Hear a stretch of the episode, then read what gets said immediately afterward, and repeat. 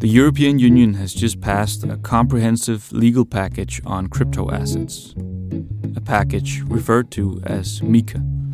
And with that, an entirely new legal framework has seen the light of day, effectively pulling the market for crypto assets out of a legal vacuum and into the established and more regulated parts of the financial system.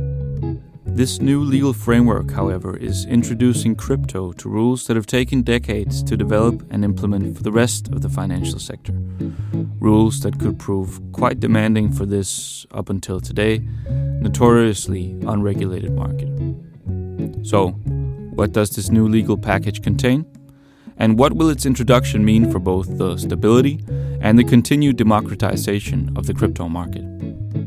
In this episode, I've invited Dr. Alexandra Andhov to talk with me about this new stack of rules. Alexandra is an associate professor here at the Faculty of Law, researching, among other things, financial tech and regulation of blockchain structures. She's currently a visiting professor at the University of Western Australia, so she'll be joining us via a Zoom link. My name is Emil Tarp Vang. Welcome.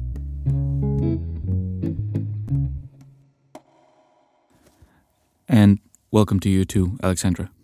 Thank you, Emil, for having me. Hi, everyone. So, would you start by telling us just briefly about this new package? Uh, what is MiCA? Sure, happy to. I'll uh, I'll try to be uh, shorter than the MiCA regulation itself, which has almost 400 pages, by the way. So MiCA ultimately stands for Markets in Crypto Assets Regulation, and at its core, it's the vision to regulate a crypto asset market, or one could say some parts of it, because there are still some parts that are unregulated. But um, ultimately, as you mentioned also, that the crypto asset market has been greatly unregulated, which is true because some of the jurisdictions or some of the countries have been regulating um, some of the providers. Also, the EU has been regulating them through the anti money laundering. So they had some obligations. But per se, the new uh, regulation, this MiCA, is um, creating a new, complete, a completely new framework to regulate different service providers who provide services in different types of crypto assets. Mm.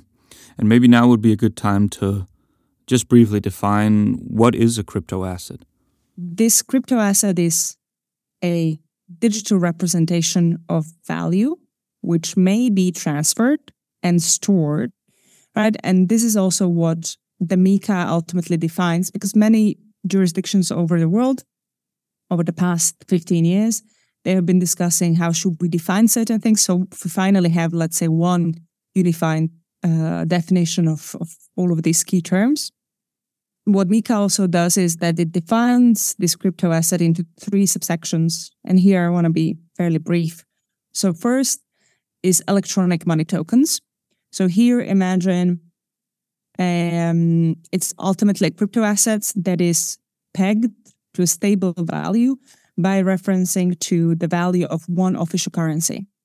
And that's ultimately what we often call also stablecoin right? So that's the electronic money token. Electronic money token only refers to one currency. Then you have asset reference tokens, and that can refer to two, three, or more currencies or other uh, values, be it it can be connected to the shares, it can be connected to gold price, it can be connected to anything else. And then the third one is utility tokens, which ultimately refer to some of utility. So we could use it in connection with electricity and having rights to electricity, or we can use utility tokens if we decided to vote through blockchain in Denmark. There have been a couple of examples that several countries around the world were discussing more efficient and protective way of uh, voting in parliamentary elections or presidential. Okay. So hopefully we, we're all slightly smarter now, um, and I hope we have everyone on board. Uh, if we move back to MiCA, then what are some of the most important points to know about this new regulation? So let me start with first thing that often you see in um, public discourse that we are EU has decided to regulate the technology. I think that this is not really correct But what MiCA is doing, it regulates the service providers. So those entities that decide to offer some form of services connected to the crypto assets, right?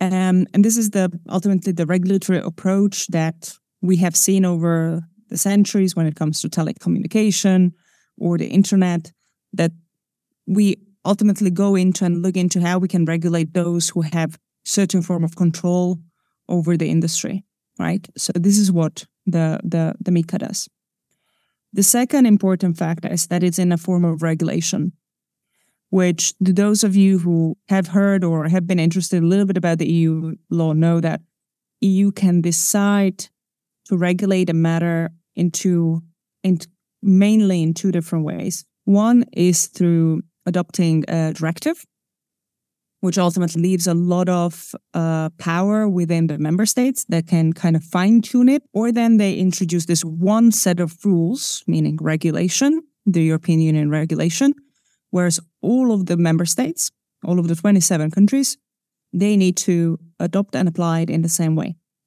Right. And that's what has been chosen in this case. And that's better then? It is better for the industry because now what it allows is that with a one passport, let's say a company here in Copenhagen would get uh, a passport or license on the MiCA, they are able to do business in France, in Spain, and so on because it's the same kind of um, system, which I believe will is ultimately beneficial for the market. Mm. What do you think were the motivations for the EU to put in all this work to develop MiCA? Indisputably, this is this is a huge market, right? So currently, I was just checking it today. What is the market capitalization of the crypto? And it's somewhere above one trillion dollars. Um, and this is after being smashed with a hammer several times over the past two years, right? We were, I do think that it was above three trillions at some point, uh, maybe two years back, uh, when it was, the market was at its peak. So, you know, if you think as a regulator, you're like, okay, so there's this cool, huge market and we should get some part of it, right? So either taxes we should get in or uh, um, we should obviously be somehow responsible for for what is happening on the market, right? Because one could argue from the perspective of the stability of the market um, that there might be a, a, certain fear that this market can affect the financial markets of European Union, right? So, so, so a the market, be the potential, and see some of the scandals, I think, mm. maybe have to some extent pushed the EU to to to you know to to regulate the recent scandals like those connected with FTX or with Terra or some others for sure hang in our in our ears. So there have been a number of these scandals, um, and for some reason we hear about them, uh, but I would also like to remind all the listeners that two weeks ago we had a scandal of Silicon Valley Bank. Uh, so the scandals are part of the industries. Are they more part of the crypto industry? Possibly. Uh, why? Because to some extent, yes, they are still unregulated, but also because it is still new industry. Yeah, if you compare it to I don't know, to internet or car industry or or any technology driven at the very beginning, of course, that people are creative and they're using this technology for good and for bad. And unfortunately, we hear more about the bad. But again, in the context, crypto is nothing, no, not substantially different from any other industries. Mm. But even so, you mentioned the FTX crash and the fall of the Terra ecosystem, two of the major scandals in the crypto world. Uh, do you think these new rules could prevent scandals like that from happening in the future? Um, could it prevent? To some extent. Um, it can limit. Can it eliminate? I don't think so. Because I think what I like to do is to go a little bit to history because I think we can learn a lot from the history and to compare a little bit the crypto asset where we are now. It's where the, the, the share market or equity market was at the beginning of the 20th century. And many people will not know that, but the first kind of legislative uh, attempts to regulate shares, right? Something that is currently extremely regulated. Companies or corporations and how they can sell their shares and what rights shareholders have. This is this is a heavily regulated field, but back at the beginning of the 20th century, this wasn't. And for instance, the first national legislation come from like state of Georgia in the United States. So there wasn't yet federal. Federal came later, several decades later. Uh, but the way how this regulation was called, it was called blue sky legislation. And the reason why is that because at this point, people were selling shares of blue sky. So because it wasn't regulated and people believed that you can sell shares of blue sky. Um, the same way how maybe some people believe that you can sell shares of moon or any planet and so on. So what I'm trying to say here is that people been always creative, but I think that as any other industry, uh, also this industry has many great uh, leaders and and companies that that already show that there is a value uh, that they create, and I think that, and I hope that what this regulation will do will ultimately develop a certain legal certainty for the existing but also forthcoming startups to understand okay so what is my obligation? And on in this regard i know a number of startups or maybe they're not even startups because they have been around for many years but who have been sitting on their products or services for now two three years because they waited for the regulation because they didn't want to do something that they can be, you know, deemed illegal at one point. So hopefully this will bring a little bit more, so to speak, legal certainty into the market. It will standardize certain behaviors um, and help facilitate for those who actually try to create some value, not just for themselves, but for larger groups.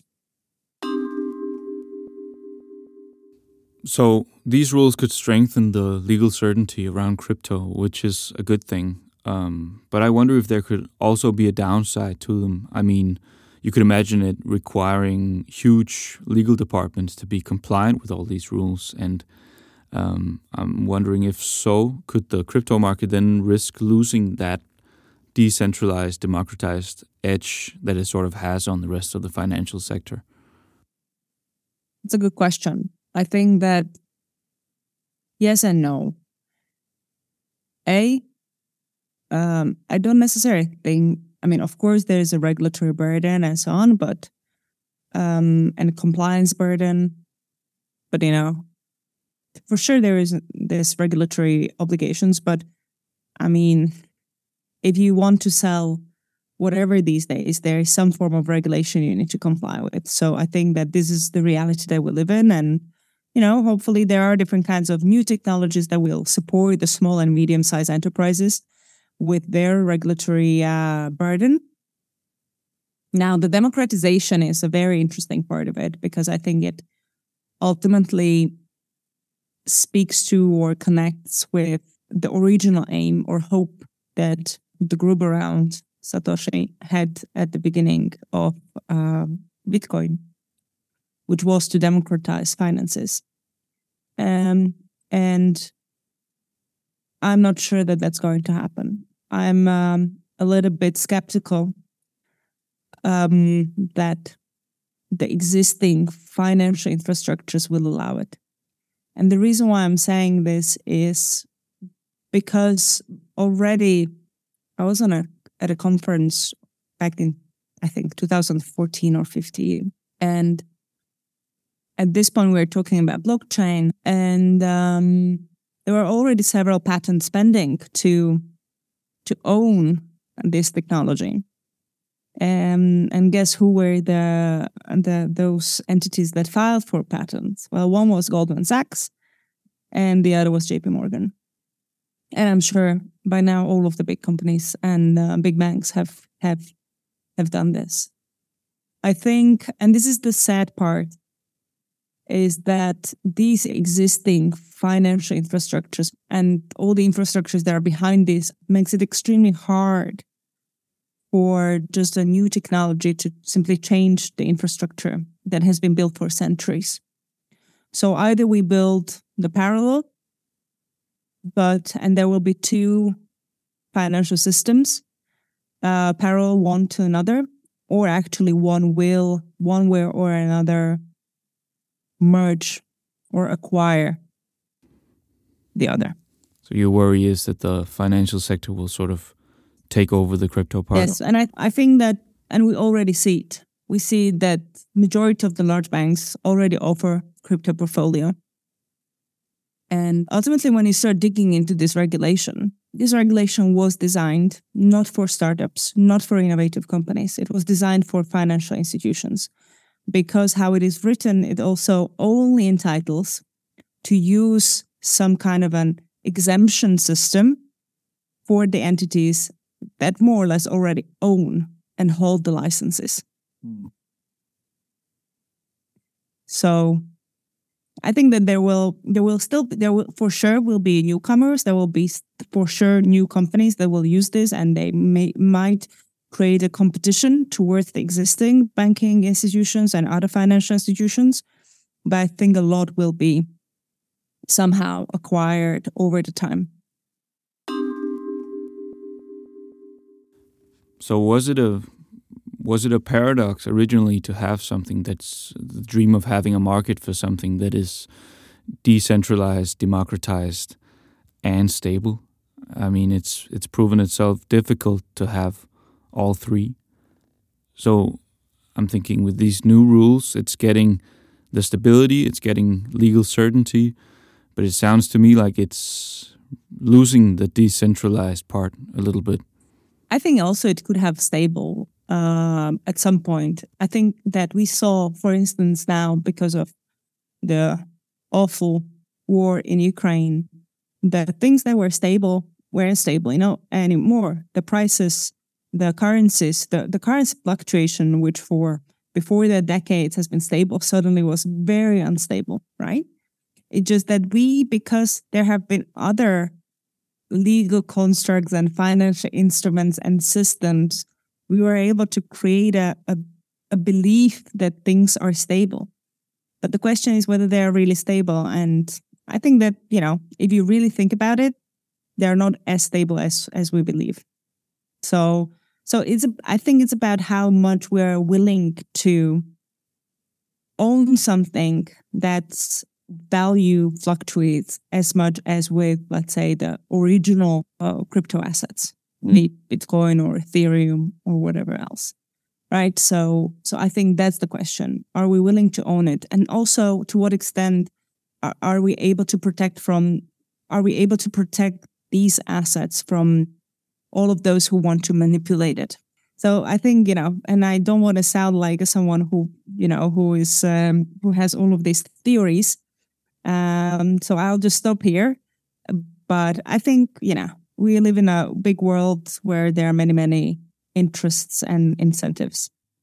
And ultimately, the regulation in its form and shape that is today is a compromise between many, many, many interest groups, both at the EU and national level. So you could say that the stability comes at a price when it's offered by the financial sector. Yes, and I think that should be maybe the end ultimately of the of the discourse. Mm. We'll uh, we'll leave it at that then. Alexandra, thank you so much for joining us here and giving us some insight into this MiCA package. Thank you for having me. Of course.